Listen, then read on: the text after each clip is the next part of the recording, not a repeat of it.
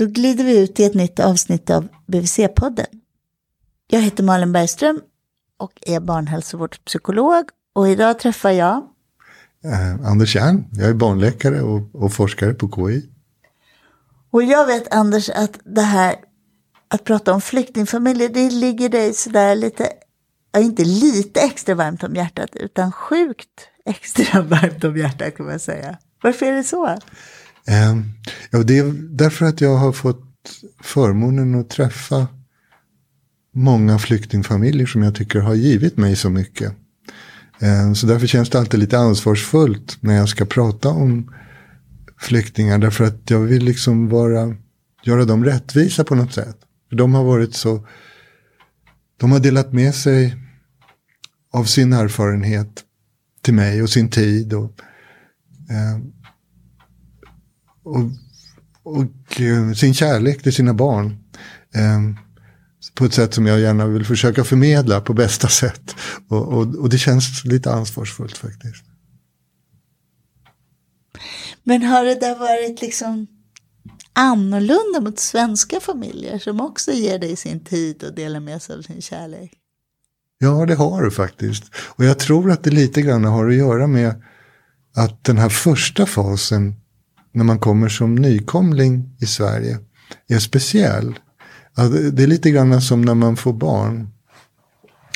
Ehm, att de här första, alltså de här när man precis har fått den där bebisen i, i famnen och, och ska försöka ta hand om den och, och ställs inför en massa nya utmaningar som man, som man inte har erfarenhet av. Man har läst och förberett sig men plötsligt så är det hela tiden och sådär.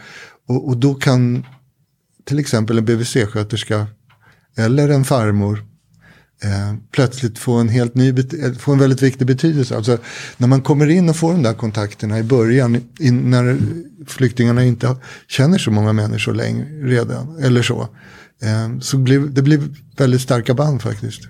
Och jag märker det när jag då och då träffar människor som jag lärde känna under den första tiden i Sverige. Att, eh, att vi har ganska starka band mm. faktiskt. Ja.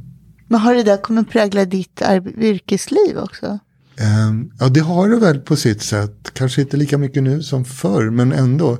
Alltså, eh, jag jobbade under en period som konsult på Röda Korsets center för eh, torterade flyktingar. Och, och, vi hade också något som heter Flyktingbarnteamet i slutet av 90-talet där vi jobbade mycket med papperslösa familjer.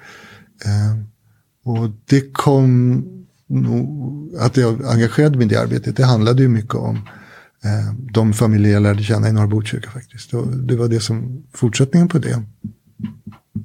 Men alltså det andra det är ju det att, att det, ja, det är ett väldigt spännande jobb. Alltså. På vad sätt då?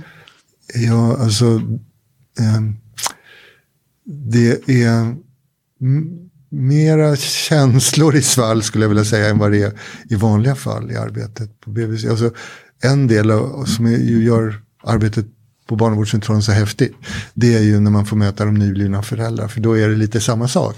Alltså, det är nära till skratt och det är nära till tårar. Och det, det svajar däremellan rätt mycket. Hela livet. Och, och det är fantastiskt att få möta de här underverken. De, de här nya bebisarna som har kommit till och få möta föräldrarna och, det, och, känna kärleken som finns där och så. Och så kan jag känna lite grann när man, i arbetet med, med nyanlända flyktingar också. Sen är det klart att många flyktingar är speciella människor. De, de har blivit flyktingar därför att de är speciella människor. De är starka personligheter. Eh, som har lätt för att uttrycka sig. Och, och sådana människor som man inte så ofta har, har, har förmånen att få träffa i vanliga livet, även om de finns där också. När vi har suttit och pratat om det här, då har jag tänkt på nyfikenhet. Att det måste ändå vara en... Alltså man kan döpa det till så här jättefina saker, kulturmöten, och man ska vara medveten om sin... Men någon slags nyfikenhet på andra människor, det måste ändå vara en kärna i det vi har pratat om. Att få de här mötena och klicka till liksom och komma till liv. Jo, nej men det är det ju. Ehm, och de är ju bärare, flyktingar är ju bärare av en kunskap om en verklighet som vi inte känner till. Även om vi reser en, allt mer, också långt bort, så är det sällan man får chansen att komma nära den verkligheten, vardagsverkligheten som flyktingarna kommer ur. Hur det är att vara förälder i Etiopien till exempel. Det, det vet vi inte mycket om. Om man liksom ska summera det här Anders så tänker jag att någon slags rubrik är liksom att man, ett kulturmedvetet förhållningssätt. Mm. Är du med på det? Ja, det är jag. Men vad, vad tänker du? Vad, vad, hur beskriver du det och kan du ge något exempel på det då? Så här, att jag, jag tror att det, det viktigaste man behöver ha med sig när man möter eh, nyanlända flyktingfamiljer på BVC. Och det gäller också för den delen familjer som har bott ganska länge i Sverige. Ehm, det är att jag är den jag är därför att jag har vuxit upp i det här samhället. Och att ehm, flyktingföräldern har vuxit upp i ett annat samhälle och därför på en del punkter tänker annorlunda än vad jag gör. Och det innebär att en hel del saker som man som svensk förälder har fått i sig med modersmjölken. Och det, det, har inte flyktingföräldrarna fått med sig med modersmjölken. Då tror jag då, att det kan vara extra viktigt eh, att veta varför vi har fått med, med oss vissa saker med modersmjölken. Jag tänker på en sån sak som eh, varför eh, i alla undersökningar som görs om tandborstning i Europa så är det nästan bara svenskar som borstar tänderna två gånger om dagen. De flesta borstar tänderna en gång om dagen och kanske ibland två gånger om dagen. Eh, svenska barn har länge varit ledande i världen när det gäller att ha bäst tänder. Numera finns det länder som har hunnit ifatt men eh, fortfarande ligger våra barn väldigt bra till. Eh, och så finns det mängder med studier som visar att barn som har utlandsfödda föräldrar, de har mera hål i tänderna än de barn som har svenskfödda föräldrar. Och vad beror det på? Jo, det beror på att tänder har varit en, en viktig del av det eh, projekt som vi har haft i Sverige kring att skapa ett mer jämlikt samhälle. Ett socialdemokratiskt projekt som började på 30-talet när Eh, tänderna var en väldigt viktig klassmarkör. Där det innebar att ha fula tänder innebar att man var fattig. Eh, och det ville Socialdemokraterna med Alva Myrdal och Gunnar Myrdal i spetsen göra någonting åt. Så de införde folktandvården till att börja med. Och sen på 50-talet så satsade man massor av resurser på att försöka inmuta vissa saker i den svenska befolkningen. Det innebar att man ska borsta tänderna två gånger om dagen och man ska äta godis bara på lördagar till exempel. Och sen ska man regelbundet gå till tand, tandläkaren. Och eh, oavsett om man har ont eller inte, oavsett om man har problem eller inte, så ska man regelbundet gå och kolla sina tänder hos tandläkaren. Och när jag var, gick i skolan, då hade vi tandläkare i skolan. Två stycken. Och flårtanter. Och så hade vi flårtanten. Och om man har vuxit upp i Syrien eller Irak, då har man inte träffat flårtanten. Och det gör att när vi pratar om tänder och tandborstning så, så, så, så kan vi inte utgå från att eh, flyktingföräldrarna självklart vet poängen med att borsta tänderna. Eh, kanske tänker man som många människor gör i världen, det finns en tanke med att mjölktänder trillar ut och ersätts av nya tänder. Det, det, betyder att vi behöver inte bry oss så mycket. Så tänker många föräldrar i världen. Men så tänker inte vi i Sverige. Eh, det finns andra saker som är väldigt svenska. Eh, och som också är produkten av ett sånt här massivt folkhälsoprogram. Folkhemmet. Folkhemmet. Barnolycksfall är ett sånt. Ehm, chansen för svenska barn att växa upp och inte skadas allvarligt eller dö i en olycka är större än i något annat land i världen. Och så var det inte på 50-talet. På 50-talet dog eh, ungefär 400 barn om året i olyckor i Sverige. Eh, och jag kan lova er som, eh, som inte var med på den tiden att vi hade inte en tätare trafik på den tiden än vad vi har idag. Och idag är vi nere någonstans kring 50 barn om året. Det är fortfarande 50 barn för mycket. Men det är en väldig skillnad mot hur det var då och befolkningen har nästan fördubblats.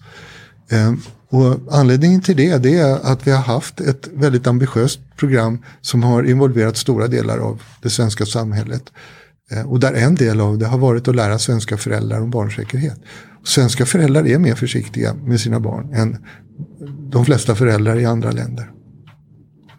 Eh, svenska barn sätter på hjälm, de använder bilbarnstol. Och det är också effekten av det här programmet som också började på 50-talet. Och som för övrigt startades av eh, svenska barnläkare och socialmedicinare. Så det måste vi också lära eh, nyanlända familjer. Ja. För att, de ska, för att deras barn ska bli skyddade som ett barn med föräldrar som är födda i Sverige. Ja, och BVC har ju varit en viktig del av det där programmet när det gäller de minsta mm. barnen. Mm.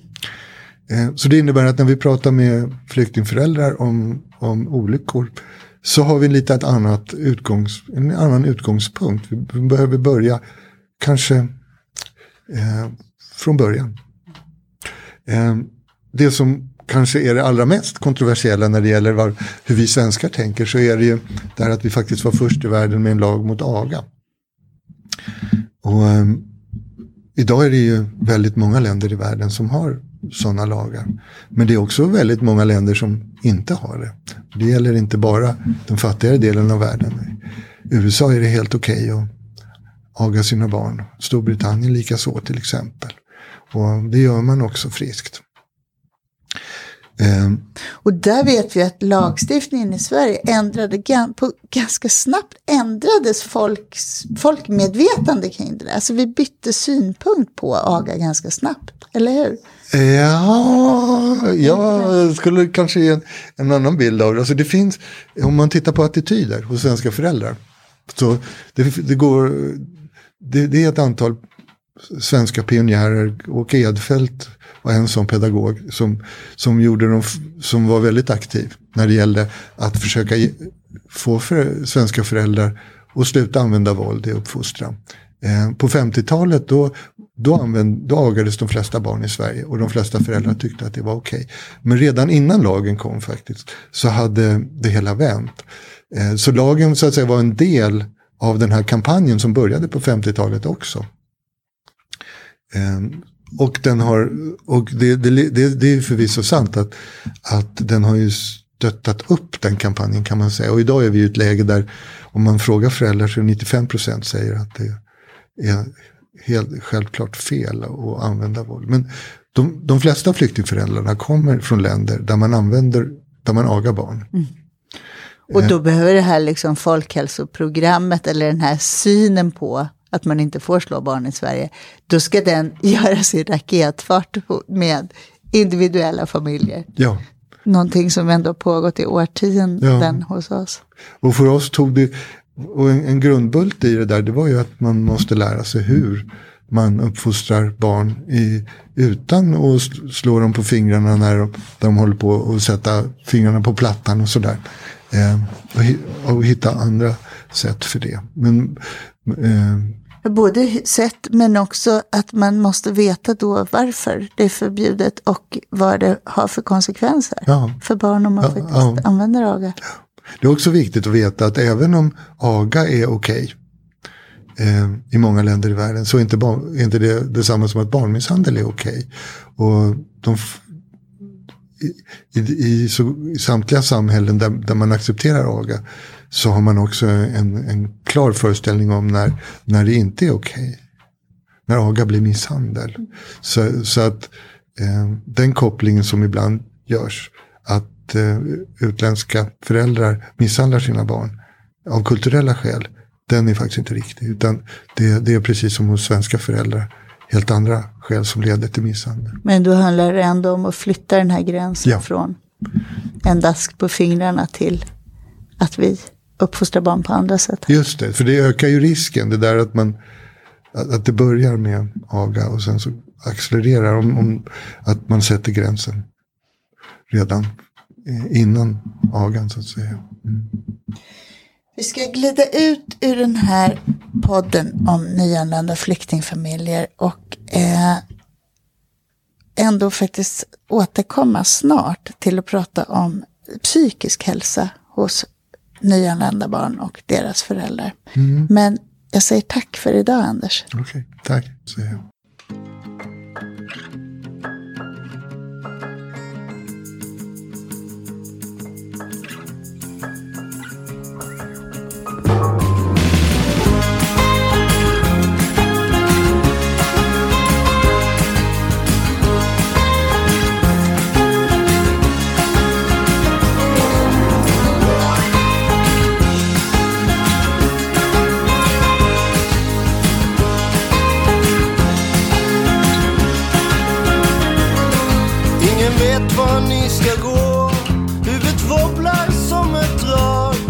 aldrig över ytan så.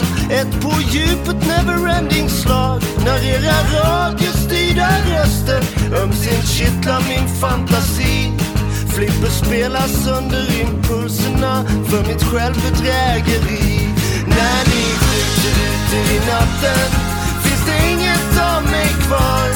Alla döda ögonskratten. Bara vakten minns vem som var när ni cementerar kvällen. Är det utan min frenesi? Den insomnade tunneln vaknar aldrig mer till liv.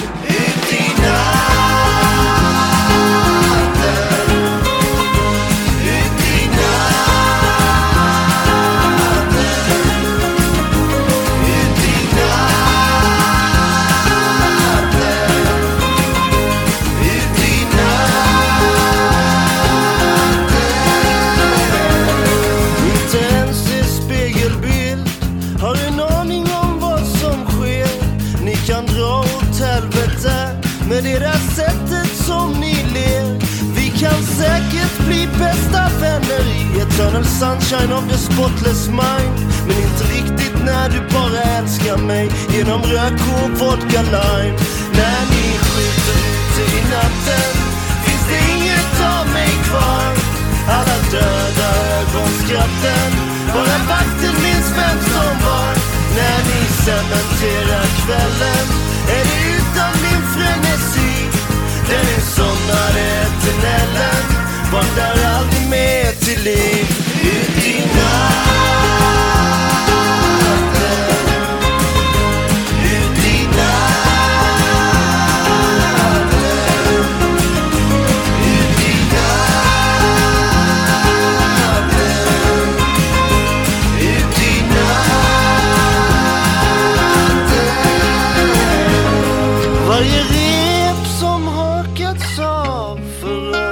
Nu hängas runt min hals. Men jag minns varenda kväll förstås och precis ingenting alls. När ni skjuter ut i natten finns det inget av mig kvar. Alla döda ögonskratten, bara vakten minns vem som var. När ni cementerar kvällen Deniz not etinele